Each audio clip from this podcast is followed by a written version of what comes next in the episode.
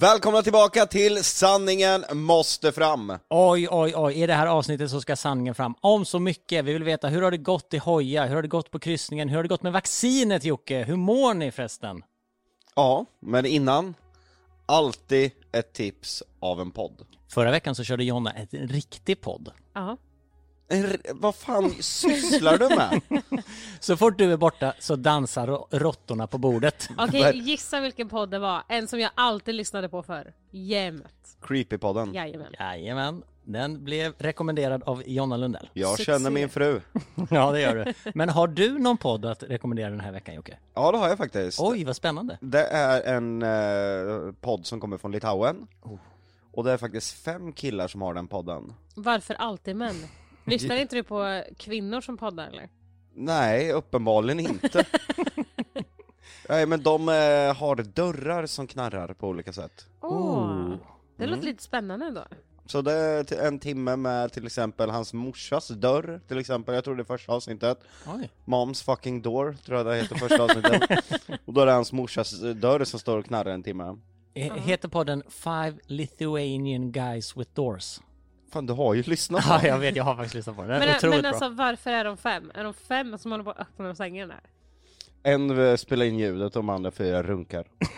Ja. Patetiskt med andra ord. Ja, men det, det är någon, jag tror det är någon fetisch de har för knarrande Jo dörrar. men det verkar ju faktiskt så, så i så Det är, fall. sex, det är sexuellt syfte de spelar in dörrarna. Och det verkar också som att Joakim Lundell har en fetisch för killar som poddar. Men Ja. nu kör vi våran podd.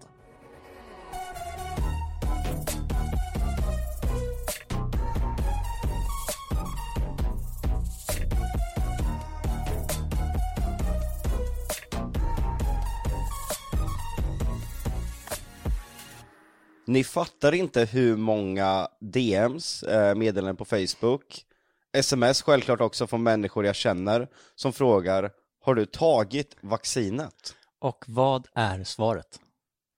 Nej. Nej. Förra veckan så pratade ju jag och Jonna om ditt tillkortakommande när det kom att ta vaccinet. Du var ju där, du ville ta det, men du fick inte. Jag sitter alltså i stolen, jag är förberedd, jag kommer ta skiten nu. Sedan så börjar hon ställa kontrollfrågor. Eh, har du några allergier? Och eh, det har jag ju. Eh, jag är pollenallergiker, framförallt emot gräs och björk. Det kan inte vara en anledning till att inte ta vaccinet. Förlåt, men 70% av svenska befolkningen har väl pollenallergi? Ja, men kolla inte på mig, jag hade tagit det om det inte vore så att jag inte fick. Och då säger hon, har du behövt söka upp sjukhusvård på grund av dina allergier? Och då är jag ärlig och säger, ja, jag fick åka ambulans när jag var liten, då liksom kunde jag inte andas och ögonen såg ut som så här tennisbollar. Och då säger hon att hon måste rådfråga en doktor.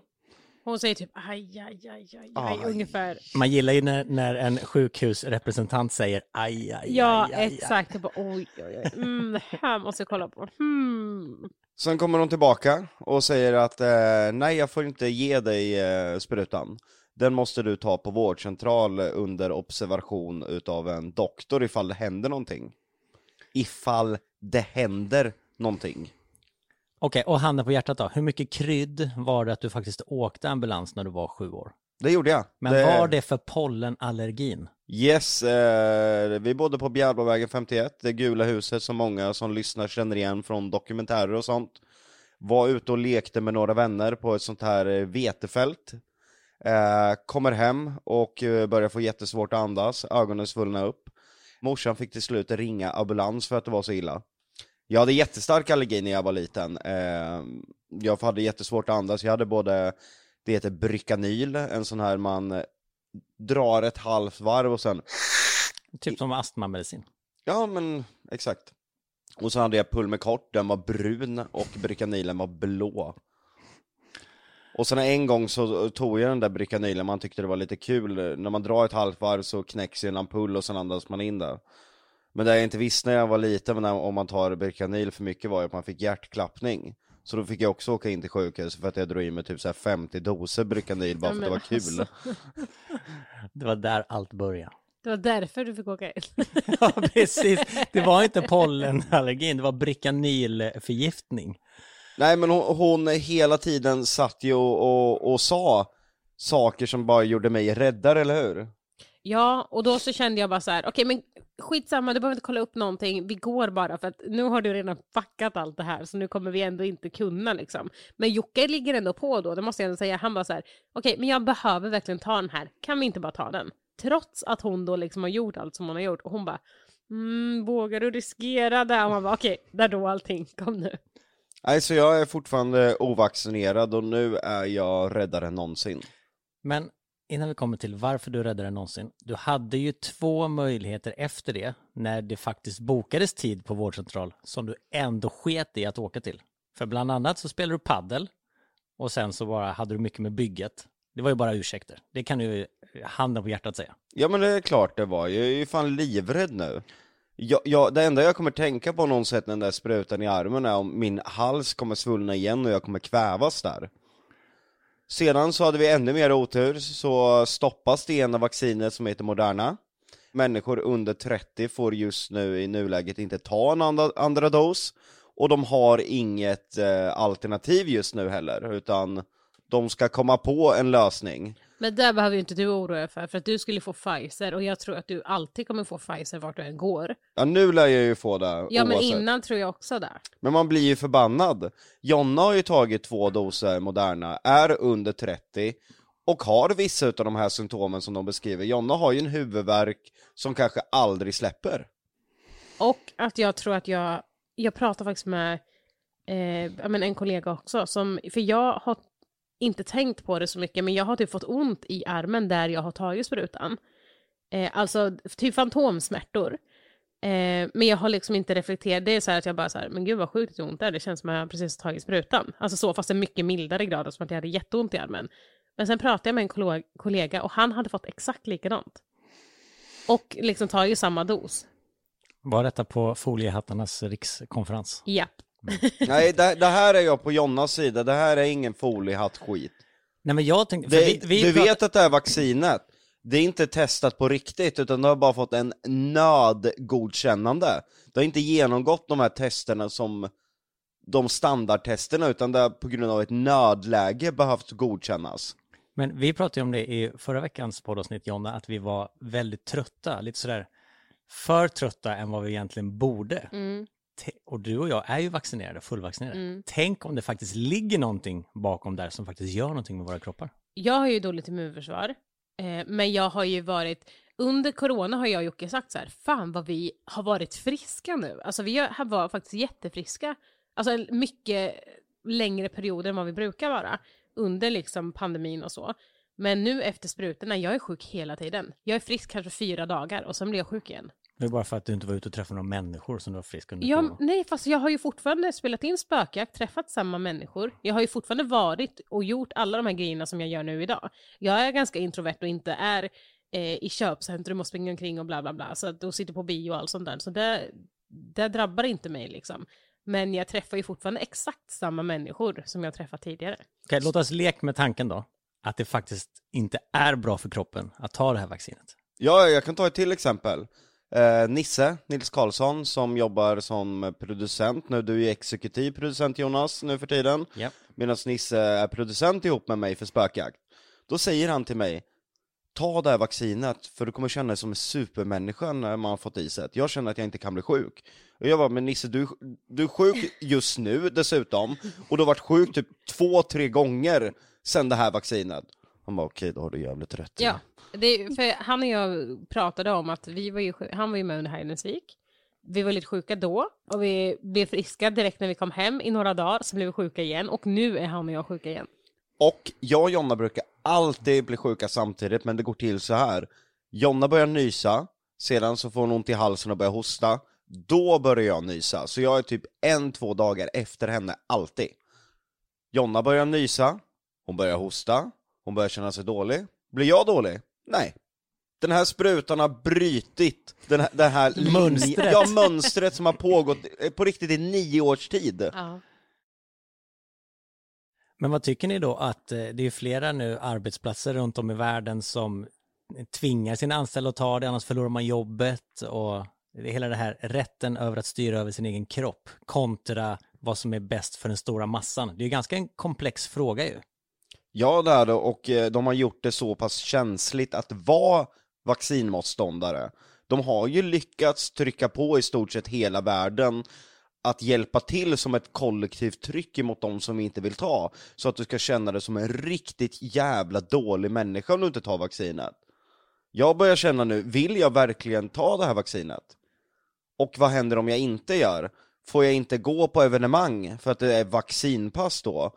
Får jag inte åka utomlands för att det står beväpnade vakter? Eller som när vi var i Rumänien, då fi- fick man inte äta varken på restaurangen eller på uteserveringen om du inte hade, alltså, för Jocke visar ju fram sitt eh, PCR-test då. Men det funkar ju inte, utan det måste vara dubbelvaccinerad. Mm. Så jag fick ju äta på samma ställe under hela resan. Det fick vi alla. Så Ja. försök, försök inte låtsas som att det bara var du som Nej, det var- det var jätte- alla sket faktiskt i Ja, det var jättesnällt i och med att eh, det var fem stycken som inte var fullvaccinerade i gruppen. Så eh, vi fick äta på hotellet varje dag. Vi skulle gå ut en kväll, hitta ett riktigt fett passaställe och jag tänkte att men jag har ju ett PCR-test som visar att jag är negativ, som är, vad är det, 72 timmar är det giltigt. Ja, Mm, ni tog det precis innan ni skulle åka. mm. Och då har han en sån här blipp ungefär som när man gör med biljetter. Och då lyser jag rött där. Det står till och med mitt namn i den, det Alltså, står vad det är för test jag har tagit, personnummer, allt. Rubbet. Fan. Och då känner jag så här, vad, vad är det för jävla nazigrejer? Vi fick ju inte ens sitta på uteserveringen då, och då menar jag så här, men alltså vad fan. På en uteservering kan vi väl ändå sitta då? Nej, inte om man inte är fullvaccinerad. Nej. I Rumänien. Ska jag berätta vad Daniel gjorde på hemvägen? Ja, berätta vad den här gjorde på hemvägen. För reglerna är ju, det, det är inga problem att resa så länge du kan uppvisa ett eh, PCR-test innan och att det är giltigt ett visst antal timmar så kan du resa mellan de här länderna utan problem. Och Sverige är ju grönmarkerat så till Rumänien eh, enligt reglerna så behöver du inte ens ett PCR-test. För Sverige är grönmarkerat så du ska bara kunna åka rakt in i landet och åka hem igen. Då har ju Daniel förmodligen lite tråkigt så han skriver och säger att eh, Fan ni måste ta PCR-test, för jag blev stoppad i Tyskland, jag började visa upp papper och allting. Vi står på flygplatsen, jättestressade redan för vi har hur mycket väskor som helst. När vi spelar in spökjakt, tekniken tar ju liksom en timme att få in alla väskor. Då måste vi boka i panik ett PCR-test där nere. Så vi hittar ett utanför flygplatsen. Olivia som jobbar hos oss eh, bokade. Och då är det Olivia, det är jag, det är Dogge och det är Lyran och Johanna som inte är fullvaccinerade som måste ta det här testet då. Vi kommer bort dit, eh, de ser ut som rymdgubbar och har de här dräkterna och allting. Man känner sig skyldig när man går in där. Man får gå in en och en, liksom sätta sig i ett bås där och får spotta. Och sen får man vänta på sitt resultat. Och det som hade hänt då om man hade varit positiv, det är ju att det kommit ut två snubbar och hämtat den, man får gå in i en barack, och sen kommer det liksom en skåpbil och hämtar den. Kör den till ett hotell, och där blir du inlåst på ett rum där du inte får gå ut på två veckor.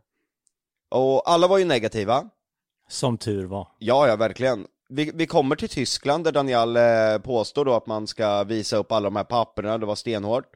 Går igenom passkontrollen, kommer fram till någon som sitter i kassan, hon tittar på mig. Jag tittar tillbaka. Hon säger ingenting.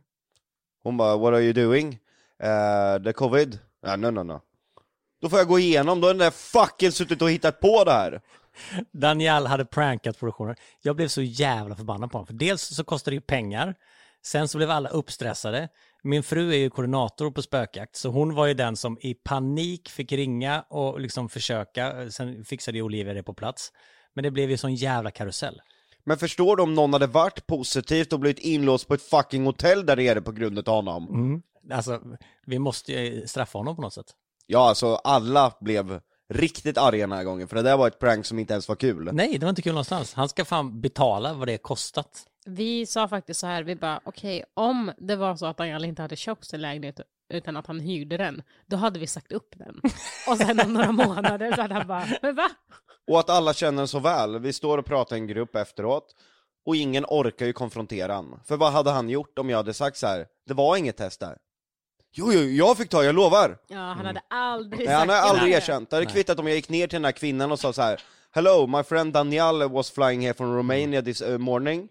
Uh, Visat bild på honom. och Ja, allting. precis. Ja. Och fråga så här, was it covid pa- pass then? Mm. No, no, no, no.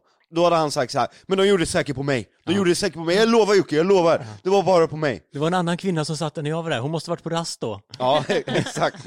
Och då hade det kvittat om jag gick ner igen och frågade, Ja, precis. was there another woman here this morning? No, no, no. Jocke, jag lovar, hon ljuger. Ja. ja, det var inte ett bra prank, Daniel. Nej, det var ett dåligt prank. Vi var ju också så himla stressade att vi hann knappt att köpa frukost. Varför åkte han hem tidigare förresten? Ja, varför gör han det? Ja. För att han kan. Bokade om en massa dyra biljetter bara för att komma hem två timmar tidigare. Nej, han var hemma långt, långt innan. Han var nästan eh, 12 timmar före, för vi hade ju me- mellanlandning i München. Ah, München. München. På eh, sex och en halv timme nästan, och det var den han ville sli- slippa. Jag tyckte den typ var nice. Ja men jag, vi hade trevligt där, absolut. Jag, jag klagar inte. Nej, du klagade ju till mig. Skickade en massa sms. Bara, ah, det är klart man får sitta och vänta. Tycker- Ingen som tar hand om sina talanger på det här bolaget. Jag tycker det är så kul att skicka sådana här skuld-sms. Men jag tror inte de funkar längre. Nej, jag bryr mig inte. Nej. Jag skrattar. Jag skrattar och visar min fru. Bara kolla, nu är han missnöjd. Jag Bara, Tack för att man fick Express-incheckningen. Ni tar ju verkligen hand om era talanger. Jag skrev det. Man bara, åh gubben stackars. Daniel skulle ju skryta, Daniel har ju ett sånt här eh, Amex eh, Black. Och det är ju det svåraste kortet man kan få, det heter Centurion tror jag. Det är ytterst få som får det här kortet och du måste typ tjäna otroliga pengar eller typ tjata på rätt person för att få det. Och han har ju lyckats tjata sig in på något sätt och fått det här kortet. Han betalar över 30 000 om året för att ha kortet. Och 60 000 i en startavgift.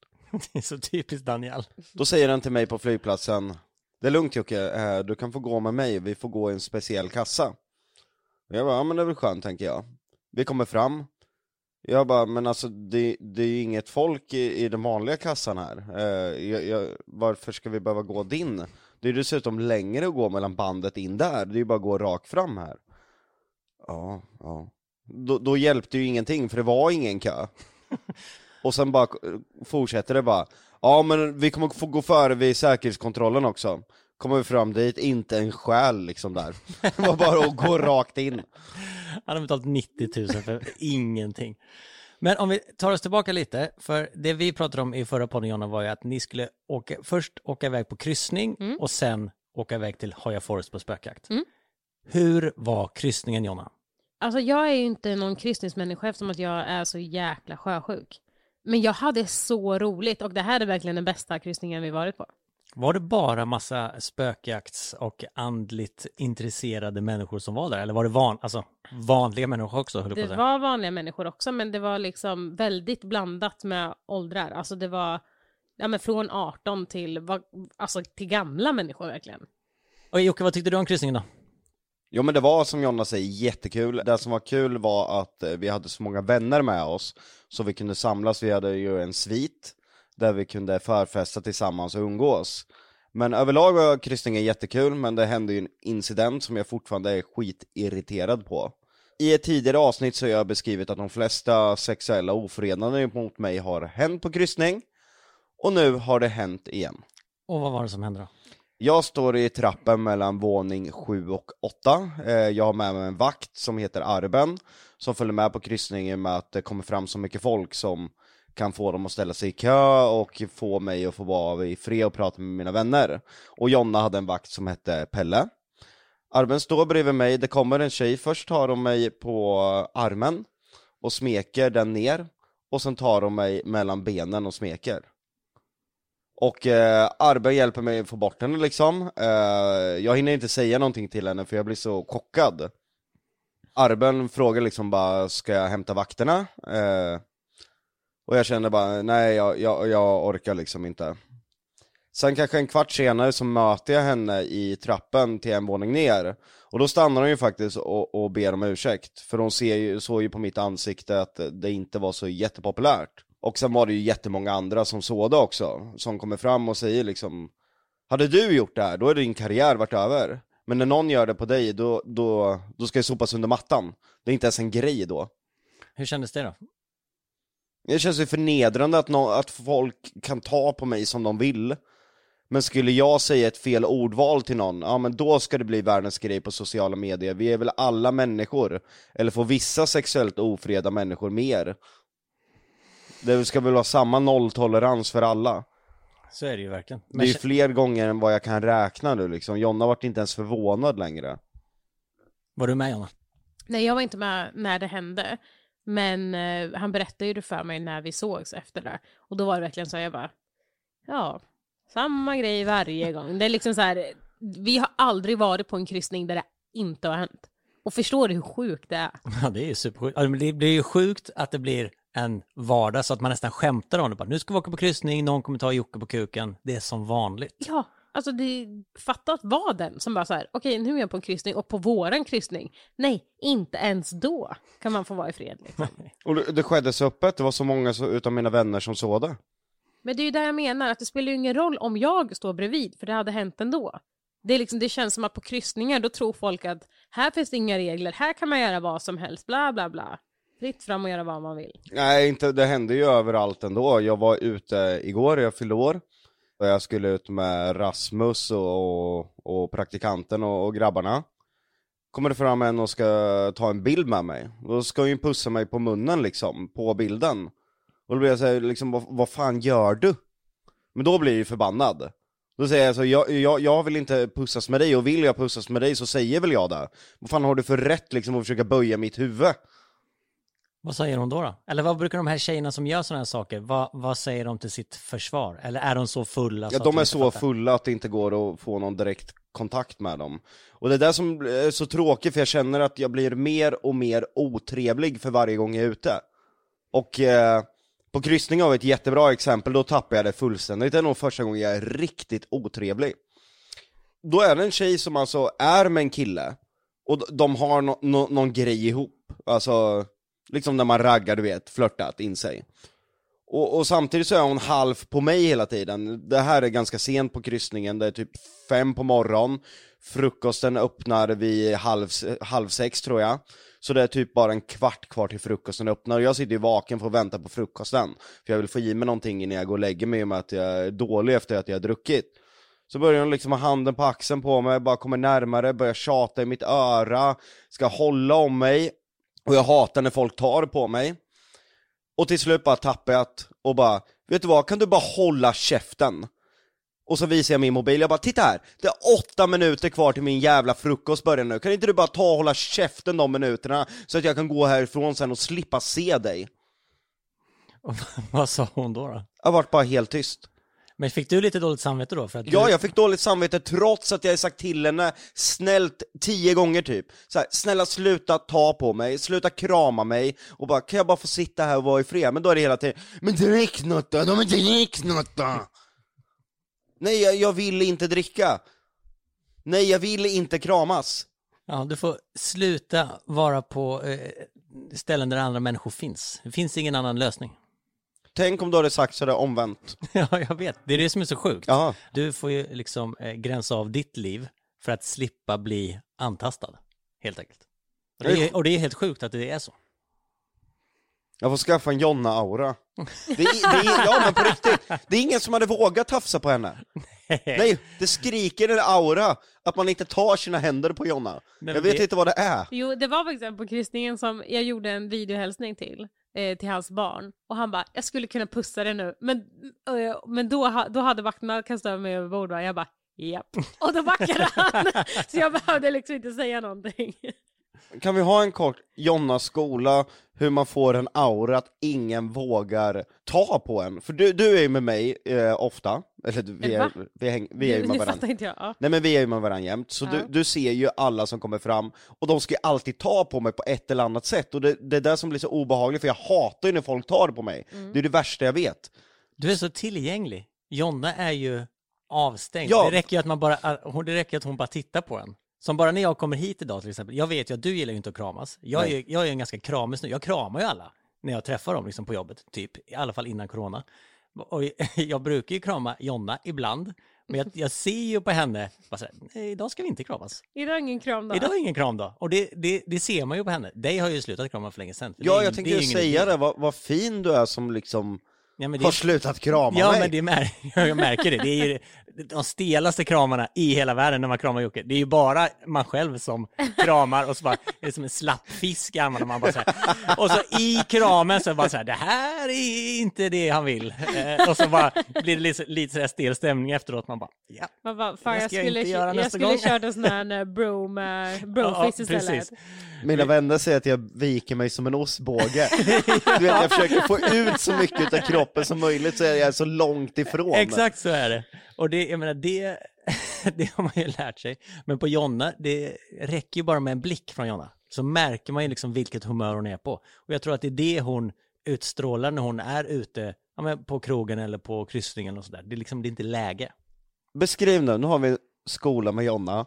Hur gör man så att folk förstår att ta inte på mig, slicka inte på mig, liksom, Rör mig inte. rör mig inte. Okej, nummer ett, sluta skryt om att du har pengar. Så att du vet att eh, oavsett hur du ser ut, oavsett hur man luktar och bla bla bla så vill folk åt pengar. Vad fan, det är ju min skämtgrej. Jag Jag heter ju till och med vet. på TikTok javligt rik. Ja, jag Det är ju vet. så här sarkastisk Ja, ja. skämtgrej. Ja, men då vet jag också att folk eh, vill hämta saker där. Nummer två, var inte på ställen där folk existerar. Nej, nej men jag, jag är väl, men jag kan typ bli ledsen över mig själv där för att det är ändå en, eftersom att jag inte vill vara en offentlig person eller har inte velat det så blir det liksom att jag har blivit mer och mer instängd med tiden. Så det har väl gjort att jag har blivit väldigt instängd och det tycker jag är jobbigt samtidigt som jag tycker att det är skönt. Men det är också så här att när vi är i, alltså bland folk så gömmer jag ju mig väldigt mycket, alltså bakom Jocke. Skicka typ- fram honom lite som Ja sköld. men lite så, tittar ner i backen, söker inte ögonkontakt, går fort från punkt A till punkt B. Eh, går inte någonstans i onödan. Men jag tror att... Så, så jag tar eh, ku, kukklämmet i täten. Ungefär som krig förr i tiden. Nej men grejen är så här också att det är alltid jag som har fått stå upp för dig när folk har tagit på dig för då har du kommit till mig för att du har känt att du inte kan säga ifrån. För att det kan bli en grej också. Så det är alltid jag som har liksom fått ja, men, ta tag i tjejerna och bara så här, dra dem ifrån din dick typ. eh, Medan jag kan stå upp för mig själv. Jag har aldrig behövt någon som liksom Jo, Men jag tror att det är nog en väldigt snygg poäng i det hela. Att man som känd kille inte kan göra det. Det är väl det du känner att du inte kan. Du kan ju inte skrika ut den här tjejen framför alla. För om någon då tar upp telefonen och filmar vid fel tillfälle och inte får med att hon tar på dig först utan bara att du står och skriker på henne så kan ju det vinklas helt fel. Exakt. Hänger du med? Du, Ja, ja, du, verkligen. du kanske känner så här, ja, jag står här bara som ett jävla objekt för jag kan inte säga ifrån. För gör jag det och folk eh, får fel uppfattning så är det kört för mig. Med, Medan Jonna kanske kan göra det på ett annat sätt för man är inte ute efter att sätta dit en kvinnlig kändis på samma sätt som man är kanske ute och sätter dit en manlig kändis. Nej men det är ju verkligen så att det känns som att det, så fort det händer en tjej någonting då är det riktigt, riktigt illa. Men händer det någon kille något, ja men han förtjänar det. Alltså det blir liksom... Han har säkert gjort någonting Ja som han men, förtjänar. ja men det är lite så. Eh,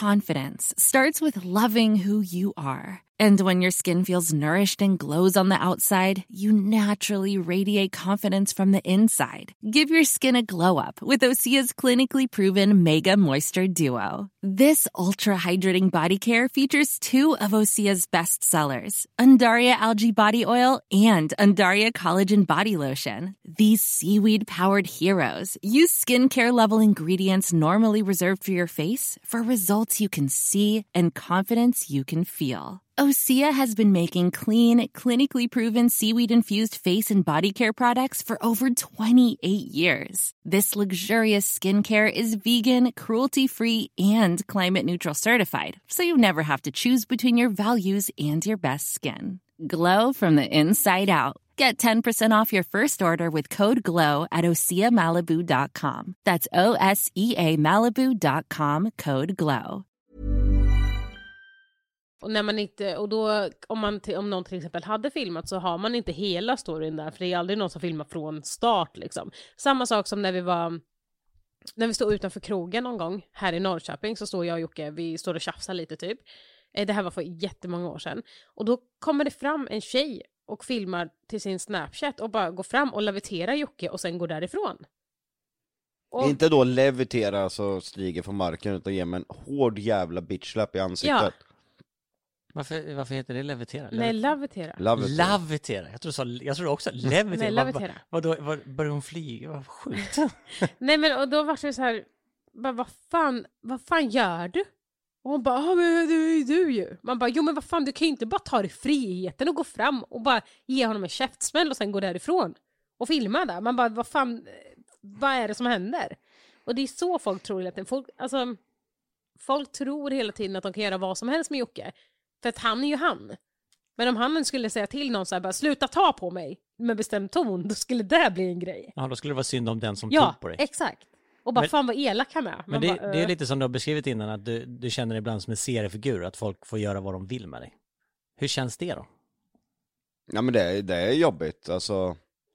Vi har ju en incident som hände när jag skulle vara och tvätta bilen. Som också vart en grej där småkillar framförallt tycker jag var otrevlig mot den här killen. Eh, Jag står alltså och ska tvätta min bil. Det kommer fram någon och drar sexuella referenser till min fru Jonna. Och där ska jag bara ta där. Men då tappar jag ut liksom, då tror jag fram liven bara, här har vi en sexuell ofredare, han sa det här. Och precis, och då blev det ju... Då blev det Du gick för långt, ja. du hängde ut honom. Och då, då blir jag så här, orsak och verkan. Vill du inte bli uthängd, gå inte fram till mig och sexuellt ofreda min fru framför mina ögon. Och det där kommer jag göra med alla framöver. Går man fram och gör en sån där grej, ja men då drar jag upp en live. Stå för vad du gör i sådana fall. Ja, och det måste väl vara lite anledningen till att du drar dig undan Jonna, för att du inte vill hamna i sådana situationer, eller? Ja, ja, alltså 100 procent. Men det här, är- alltså just den grejen är ju vi med om konstant. När vi var och spelade in Spökjakt en gång i Sverige var vi med om det också. Och det, det får ju Jocke att brinna.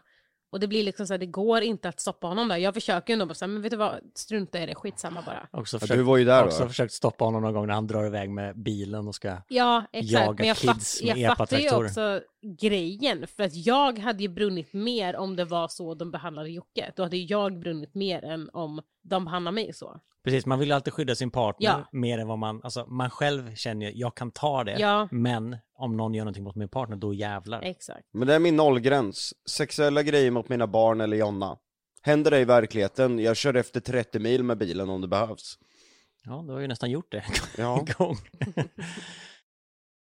Okej, sammanfattningsvis, kryssningen blev lyckad. Mm. Och ni har redan bestämt en, eh, ett nytt kryssningsdatum ju. Ja, det blev verkligen jättelyckat och just de delarna med events, Andreas hade ju en stor seans, var skithäftigt att se på plats. LaxTon hade föreläsningar, vi hade meet and greet där man fick ta bilder och ställa frågor. Så det var jättekul och sen lite fest på det. Vad var den mest ställda frågan, eller vilken fråga fick ni liksom som... Vad ville folk veta? Och jag fick väl mest frågor och det handlar väldigt mycket om att jag är skeptisk, det var det väl va? Ja, och hur, ehm, vad som ska behövas liksom för att du ska tro på det typ. Ja.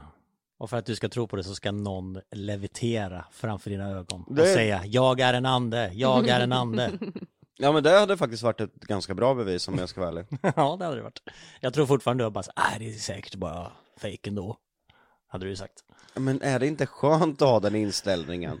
Hade det inte varit jobbigt att eh, behöva veta att det finns en värld utav andar? Nej men jag tror ju att en, mycket av din skepticism är ju nog en eh, försvarsmekanism för att du orkar inte ta in att det finns en hel värld till förutom den här skitvärlden att ha och handskas med. Ja men jag tror du har en poäng i det, jag orkar inte omvärdera min verklighet till någonting annat. Det finns tillräckligt mycket grejer i den här världen som man måste handskas med. Tänk om du förstår, ska det finna, finns det andar i det här rummet nu som står och tittar på oss då, som liksom står och dömer en för det man gör och så kan vara med liksom och påverka saker? Det orkar man inte ens ta in. Nej min ADD-hjärna orkar inte med mer skit, det är, det är mycket som det är att tänka på. Att behöva gå och tänka på en hel värld till, nej tack. Men du måste ju hålla med om att vi tittade ju på en av Andreas seanser på båten och det var det sjukaste jag sett i hela mitt liv. Alltså det, det var, alltså jag grät, alltså jag hulkgrät. Jag, alltså det var det sjukaste på riktigt. Det var så jävla häftigt att se jag gick till honom efteråt jag bara alltså förlåt för att jag inte har trott på dig. Han eh, pinpointade helt enkelt saker för Eh. människor i publiken. För typ fem pers på raken. Ja, det Och det var liksom sjuka saker. Det var inte så här, ja men det är en man eller en kvinna. Eh, den har en tröja på sig. Utan alltså det var, Det var så sjuka saker som inte kunde stämma in på någon annan än en person. Ja, jag, jag, jag håller med Jonna, det är bland det sjukaste jag sett och självklart så har jag ju försökt hitta logiska lösningar. Och jag kommer fram till att det är så pass långsökt att eh, hade han fejkat det här så krävdes det att de här personerna var betalda av Andreas för att komma på den här kryssningen och sitta där sen innan. För jag tänkte först, första steget var, ja men han har ju kollat upp resenärerna. Men då blev jag så här, hur kan han veta att de ska vara där just då? Han kan ju inte kolla upp 1500 och memorisera, alltså komma ihåg allting om dem. Nej, Nej. och det var, det var också, den första han pratade om där, det var ja, men, en lite äldre. Och hans pappa hade gått bort och bla bla bla. Och han bara så här tog Kranfors, alltså så här stället de kom ifrån och hit och dit och tog, började prata om så här V75 och bara så här, din pappa kan inte ge dig den rätta raden men la la la, alltså typ sådär och han bara sluta, sluta, han bara jag tror inte på det här, lägg av, lägg av. så han var ju helt förstörd. Ja alltså, i och med att det var så stora sällskap också i den som vart pinpointad så betyder det att Andreas måste typ ha betalt biljetter för typ 30 pers och liksom gått igenom så här. det här kommer jag säga till dig, det här kommer jag säga till dig, det här kommer jag säga till dig, det är enda förklaringen. Så jag måste säga hatten av, alltså är det inte på riktigt så måste han gått över lik för Och då liksom. har fan cred ändå. Ja det är fan det kredit ändå, alltså anställa skådespelare som sitter där men Jag tror inte att han har gjort det om jag ska vara Nej. ärlig och jag brukar ändå vara skeptisk jag, jag tror inte att han har gjort det, jag kan inte Jag kan inte förklara hur han gjorde det här men det var he- skithäftigt att få uppleva Alltså jag känner ju bara att på nästa kryssning måste vi filma hans seanser så att alla, alltså som inte ens är med, får se det. För att det var verkligen så sjukt häftigt att jag var helt tagen alltså. Sveriges bästa medium, hatten av för Ja. Andreas alltså Och han är ju med i den nya säsongen av Spökjakt. Jag är så jävla och glad också för att det även om man pinpointar väldigt bra och allt sånt där och att det liksom där gjorde så han hade, alltså hela hans upplägg, hur han pratade, allting var så jävla bra. Alltså man satt helt fastklistrad. Fem av fem stjärnor på hela upplägget, alltså Det var någonting jag hade kunnat gå och betala för att titta på, det var Verkligen. sjukt häftigt att uppleva Och då är jag ändå skeptisk Och då är du ändå skeptisk. Och bara någon dag efter ni kom hem från kryssningen så gick ju flyget mot Rumänien och det efterlängtade Hoya Forest. Vi har ju velat åka till Hoya Forest i alla säsonger av Spökjakt. Ja, det kanske ni har. Och nu äntligen har ni varit där. Och utan att spoila för mycket, eh, för avsnittet kommer ju senare. Så hur var det Jonna? Häftigaste stället jag varit på. Fan vad kul! Jag, jag har varit räddare, men det var så sjuka saker som hände. Nej, jag skulle säga att, okej på kamera kanske det inte var den gången man var räddast, men det hände sjuka saker. Men utanför kameran så är det faktiskt den gången i mitt liv jag varit absolut räddast, och det tror jag det också, alltså det var sån panik. För det var så att vi hade ju kvar grejer där, så vi behövde ju åka tillbaka dagen efter, och vi hade ju ganska stressig dag, så vi kommer iväg ganska sent ut till Hoya Forest och ska hämta alla, alla grejer. Och vi är väldigt få kvar, och då passar vi på att ta några eftersynkar som eh, saknades, som vi glömde under natten. Till exempel vid en händelse när en glowstick ramlar, så behövde vi lite synkar på det. Och då tar vi var, tur och ordning alla, och de som är färdiga åker tillbaka till hotellet och vi bara känner hur vi blir mindre och mindre. Och då är det jag, Andreas, Jonna och sen eh, teamet som filmar kvar. Alla andra har åkt. Och alla känner det här, jag har aldrig fått den här känslan i magen så här. någonting är fel. Vi ska inte vara här. Det är så obehagligt och hotfullt i, i magen. Och Jonna står där med kameran på sig, får lite frågor. Ja, du kan ju beskriva vad som händer. Alltså, då står vi precis, vi står inte i skogen utan vi står precis utanför. Så vi har eh, alltså, några centimeter till skogen liksom. Eh, och sen så bara hör jag hur något bara så här, alltså går typ mot oss. Medan jag då synkar och står och pratar och då slutar jag prata och så lyssnar vi bara. Men då hör, det, hör vi ingenting. Och sen hör vi igen, och sen står det precis, precis, alltså ba, hade jag lyft på ett löv så hade jag förmodligen sett någonting. Och jag bara hoppar ju på eh, Nisse då och bara så här kramar honom och bara oh my god, eller helt livrädd. Kameramannen bara nej nu jävlar och bara springer in i skogen och ska bara ha tag på det som var. Men det, där kommer man fatta mer av liksom när man har sett hela avsnittet. Men alltså det var så jävla, man hörde saker hela tiden alltså. Och man kände hur det bara typ kom närmre och närmre nästan. Alltså att det var, att det stod lite längre bort förut. Men sen bara, ju längre tiden gick så bara kom det närmre och närmre och närmre och blev mer hotfull typ. Ja, Dogge som är vår eh, A-fotograf som har filmat i stort sett allt vi gör, han är ju mer skeptisk än mig. Han tappade helt här i Hoya Forest. För att han fick den första frontalkrocken med hans hjärna. Hur går det här till? Så när de här stegen kom bakom Jonna, han tappar ju allting, han bara sticker rakt in i skogen och det kan ju vara livsfarligt, tänk om det hade varit en björn? Men det finns ju ingenting där. Och eh, nej, alltså jag, jag är jätterädd för den här skogen, för att det känns som att det är en fucking jävla trollskog. Men du gillar ju inte, är det någonting du inte gillar så är det ju skog. Vi har ju varit och nallat i en liten, liten skog i Sverige innan. Och till och med där var det så bara, ah, fan jag vill inte åka till skogen. Och sen åker ni till världens mest hemsökta skog. Så bara det måste ju varit ett ganska stort motstånd för dig. Ja, ja, verkligen. Jag kan dra en grej som hände utan att spoila för mycket, för det är ingenting som hände mig och Jonna. Rasmus, eh, konstiga bloggen, var med och filmade en behind the scenes-vlogg. Och sedan så var det Petter som sköter ljudet och eh, John som då är ditt, vilket betyder att man laddar in materialet. Våra myggor dog hela tiden, batterierna dog, eh, bra mycket mer än vad det brukar. Så att Petter fick slut på alla batterier och behövde gå tillbaka till husbilen till vårt camp som var utanför skogen för att hämta mer batterier. Och då eh, får vi inte gå ensamma i och med att det är ett ställe där det har hänt så mycket saker. Så då följer jag alltså konstiga bloggen och John som dittar med. De kommer till eh, husbilen, hämtar batterierna och sedan så, för vi har glowsticks som är i skogen som man ska hitta vägen. De går efter glowsticksen, kommer till husbilen, ska de gå in och gå tillbaka till oss. Följer glowsticksen i en kvart och vet vad som händer. De kommer tillbaka till husbilen. Så de går från husbilen rakt in i skogen efter glowsticksen och kommer till husbilen igen. Ja. Mm. Ja, då, Jag vet inte hur det gick till, ingen av dem heller vet. Nej, för eftersom de följde glowsticksen som var en rak väg in till er så måste det varit någon jävla man. Antingen blev ju de helt snurriga och liksom vände utan att märkte det, att de blev så Fast påverkade av tre skogen. personer, jag fattar en Mm. person, om den blir snurrig och gör det bara what the fuck. Ja men det är det som är så tre. coolt med den här skogen eftersom det är ju folk som har gått in och blivit helt snurriga och kommit bort och, och eh, allt sånt där. Och det kan ju vara någonting, ja, men precis som Bermuda-triangeln. Det finns någonting där som påverkar den och det är det som är så spännande ju. Ja, det är det här, jag tror. Det här kommer bli ett så jävla sjukt avsnitt. Vi alla blev så jävla taggade också. Och tiden gick så jävla fort typ. Det kändes inte som att det bara liksom var en hel natt utan det...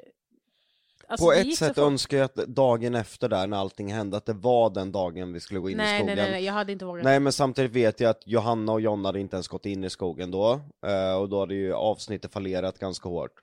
Men det var någonting som hände där dagen efter, jag vet inte om vi aktiverade eller väckte upp skogen på något sätt. Jag tror ju att om vi hade gått in där då, då hade det ju hänt någonting som vi hade ångrat för resten av livet. Någonting finns i skogen och det är inte ofta jag säger som skeptiker, men jag kan inte säga att det är paranormalt. Jag är mer, ja men alltså, lyssna färdigt innan du skrattar. Men Jag han, mer, kommer, vänta, han kommer att skratta ännu mer när du säger det du ska säga. Ja, säg det du ska säga då. Jag tror att det finns någonting i, i marken, jag vet inte om det är några jävla gaser som kommer upp, jag vet inte om det är magnetism, någonting är det i skogen som gör att man blir konstig, att man ser saker, att man hör saker, eh, någonting är det. Och det här är det sjukaste, Dogge, fotografen, som är den mest skeptiska människa jag känner, han tror att det är små troll. Nej, det Jo, tror jag nej, inte. Jo, alltså- jag, jag, svär på, Nej. jag svär på mina barn! Det tror han, Han inte. tror det. Jag ljuger Små aldrig. troll. Ja. Nej men alltså Jonas, det, alltså, det låter så jävla fucked up, det var det jag menade med att jag bara säger det inte. för att det, alltså, du måste vara på plats för att förstå. Det är Jag, liksom... jag fattar det, men jag tror inte att Dogge tror att det är Jo, små troll. jo. Jag, jag svär på mina barn. Ja. Men det är klart han inte tror. Ring upp honom nu. Nej, jo, vi kan inte. Ring, jo, ring upp honom han nu. tror inte att det är små Jo. troll. Jo, han tror att det är små troll. För att han, Han säger det det. finns ingenting annat som kan ha sprungit runt mig på det här sättet Och sen försvunnit. och sen försvinna. Han säger så här, det, det måste vara någonting som är 30 centimeter högt. Och, Små, små och då kommer folk tänka nu bara, men snälla ni är en skog, det är djur. Ja, vi hade hur mycket värmekameror som helst och det finns ingen värme. Nej men så trollen eh, utstrålar ingen värme då? Jag vet inte. Uppenbarligen inte. Uppenbarligen Kall, inte. det var kalla små Eller som så jävla snabba att de har små jävla hål de kryper ner i. Nej men jag vet inte. Du tror ju inte att det är troll. Jag tror att det är någonting fucked up med den där skogen. För när du är där, det är som en skräckfilm, det kommer som en lukt, det kommer som en blås, så ser man löven vaja och det, när du tittar på löven då, det är skitsvårt att beskriva och låter flummigt, det känns så jävla ont. När man känner så här, det är någonting som inte är som det ska. Nej, alltså jag tror aldrig att jag kommer våga åka tillbaka dit, Andreas har ju bestämt sig, han ska tillbaka. när han är 70 år ja. När han är 70, Ja, han sagt säger det. ja, för händer det någonting säger han, ni kan ta mig när jag är 70. Då kan han bo kvar i den där skogen. Men han var rädd för första gången. Ja. Alltså verkligen jätte, jätterädd. Oj, han brukar inte bli rädd. Nej. Nej. han var jätte, jätterädd. Speciellt när eh, vi gjorde de här dagen efter synkarna på kvällen där och skulle åka därifrån. Han hade lätt panik att komma därifrån. Mm. För han bara, Han ville inte säga någonting högt. nej. Han fick ett så här bad omen, att något ska hända, så han började stressa så här. vi måste åka nu, vi måste åka nu, vi måste åka. Och Jonna kommer bara, var är bilnycklarna? Ja, men jag står där och Jocke har bilnyckeln och jag säger, alltså det är helt kolsvart. Det, är liksom, det finns ju inga gatulampor eller någonting. Vi, vi är inte i skogen men precis utanför. Och jag bara, Jocke kan du öppna bildörren? För jag börjar få lite panik typ och känner så här, okej det är någonting som står och kollar på mig som bara kommer närmare och närmare. Och Jocke reagerar inte. Jag bara, Jocke öppna bilen.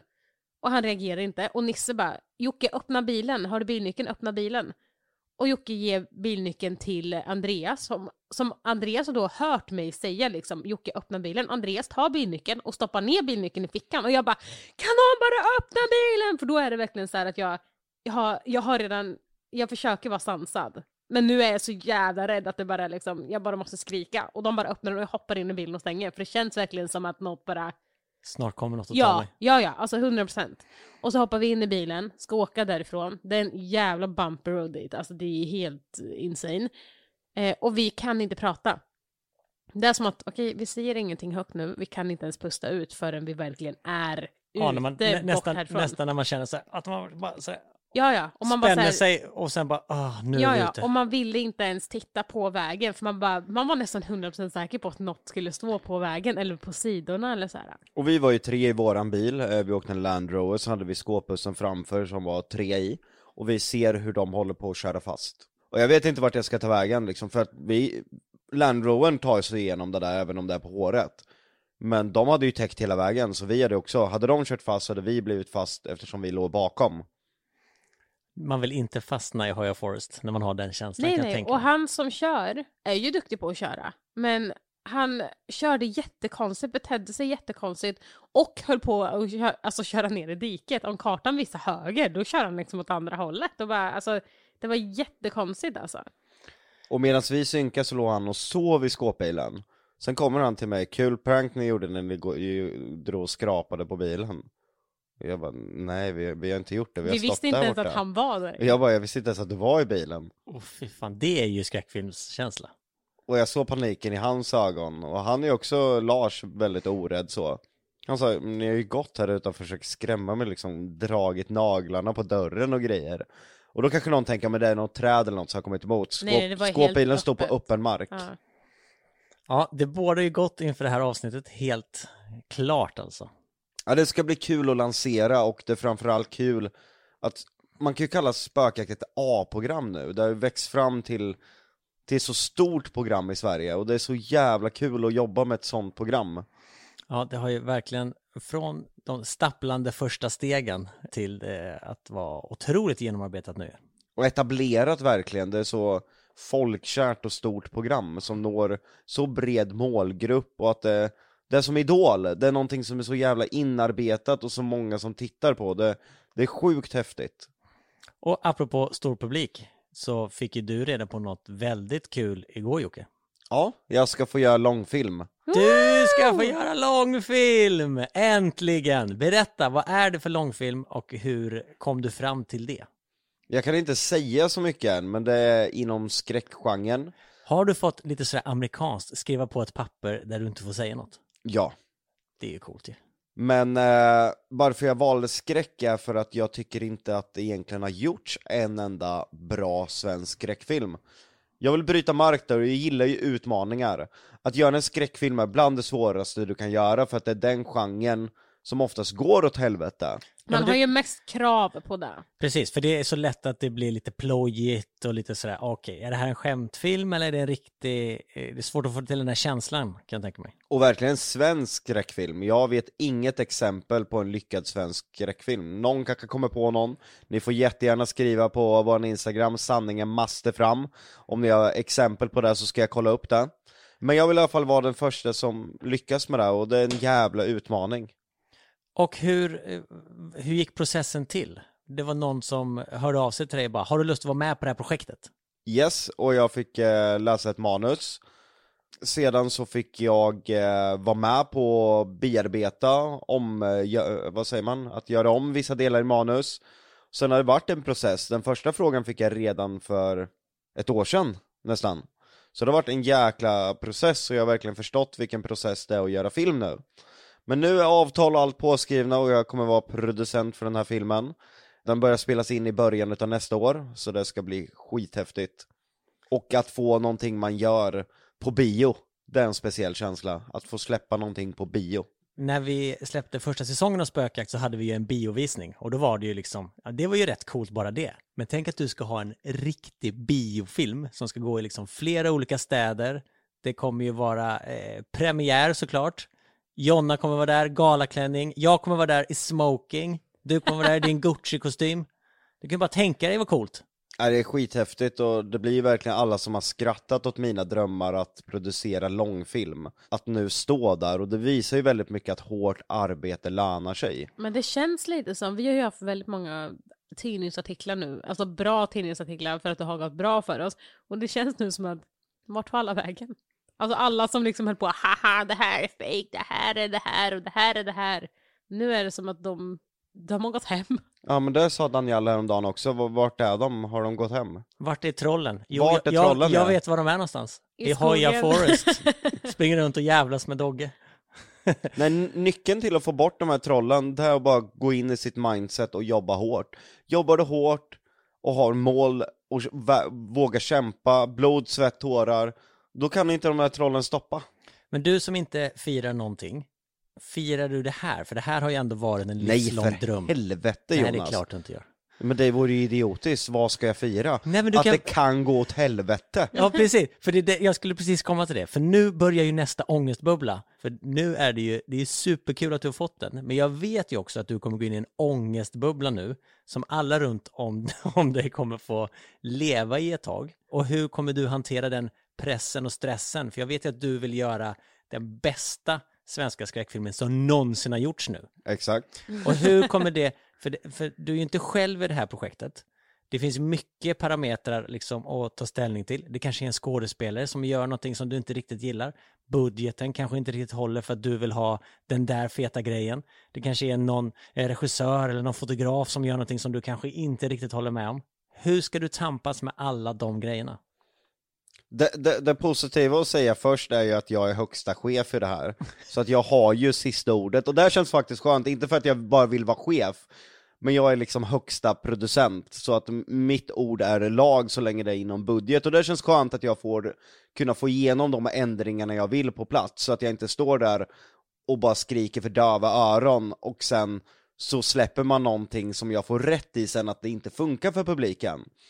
Det andra positiva är att jag har haft många möten med regissören och vi klickar så jävla bra. Han har exakt samma syn på det här som mig, han är precis lika petig, han säger precis samma sak att vissa saker måste vi ordna på plats med skådespelarna. Vi jobbar mot samma mål, att inte få stereotypiska, klyschiga karaktärer, utan att få ett djup i karaktärerna, få publiken att faktiskt bry sig om de här karaktärerna. Så det är två riktigt positiva saker. Men självklart så kommer det vara en jävla kamp med min hjärna för att den värsta fienden som finns, och det har jag lärt mig nu, och Jonas kommer hålla med, det är budget. Det är den värsta fienden man kan ha. Och tittarna vet aldrig om vad man har haft för budget. De betygsätter inte utifrån budget. Det är det som är så jävla svårt att jobba i en bransch som, eh, som alla andra branscher eh, som är vinstdrivande. Jag menar, vi, ja men som spökjakt till exempel, där vill vi uppa varje säsong och göra det fetaste, fetaste, fetaste, fetaste. Men om budgeten inte håller det så kan vi inte göra det. Och du kommer ju ha samma problem med din film. Ja, ja, verkligen, så är det ju. Så är det ju. Det kommer bli så jävla kul att följa dig på din filmresa. Det jag är mest glad med, med filmen är att Jonna är så stolt över mig. Det är jag verkligen. Det, det är något fint att se ens partner bli så stolt. Hur kändes det när han kom med nyheten om långfilmen? För, Men- för du vet ju att han har drömt om det så länge med det. Ja, exakt. Och jag vet ju att vill han någonting så jobbar ju han så hårt för att kunna nå dit. Medan en typ normal person har drömmar som man vet att man inte kommer nå till. För att man kanske inte kämpar så hårt som han gör. Men jag, jag tycker det är så fantastiskt med honom att han bara så här, ja han har velat det i så många år men han har inte känt att det är inte det här året. Utan att han ändå liksom har fortsatt vänta då och fortsatt liksom bättra sin kunskap i att vara producent och liksom ja, men fått mer erfarenhet till att bara så här, okej, nej, men nu.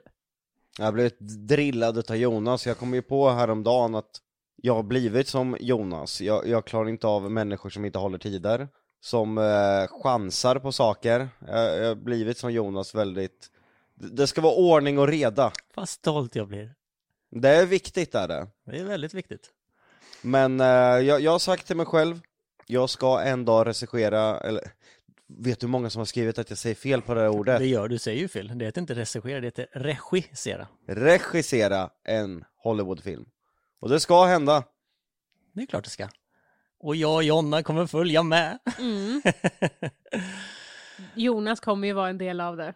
Ja men det, det är sagt, eh, när det går så pass bra att man får välja sitt eget team, då åker han med på resan. Mm.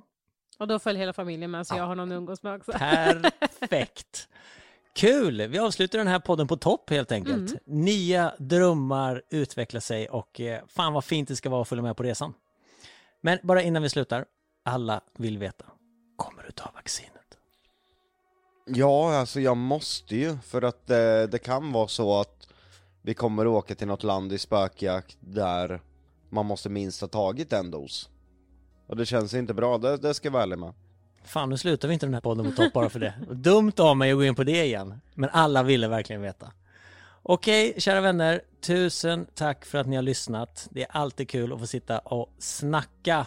Har ni någon bra svensk skräckfilm som Jocke precis sa så skriv den på Sanningen måste fram så han kan kolla in den och få mer inspiration till sin skräckfilm. Jonna, vill du säga någonting som avslut? Ha det gött, hej! Ha det gott, hej då! Ja, det gott. Hej, hej, Hej då! hej.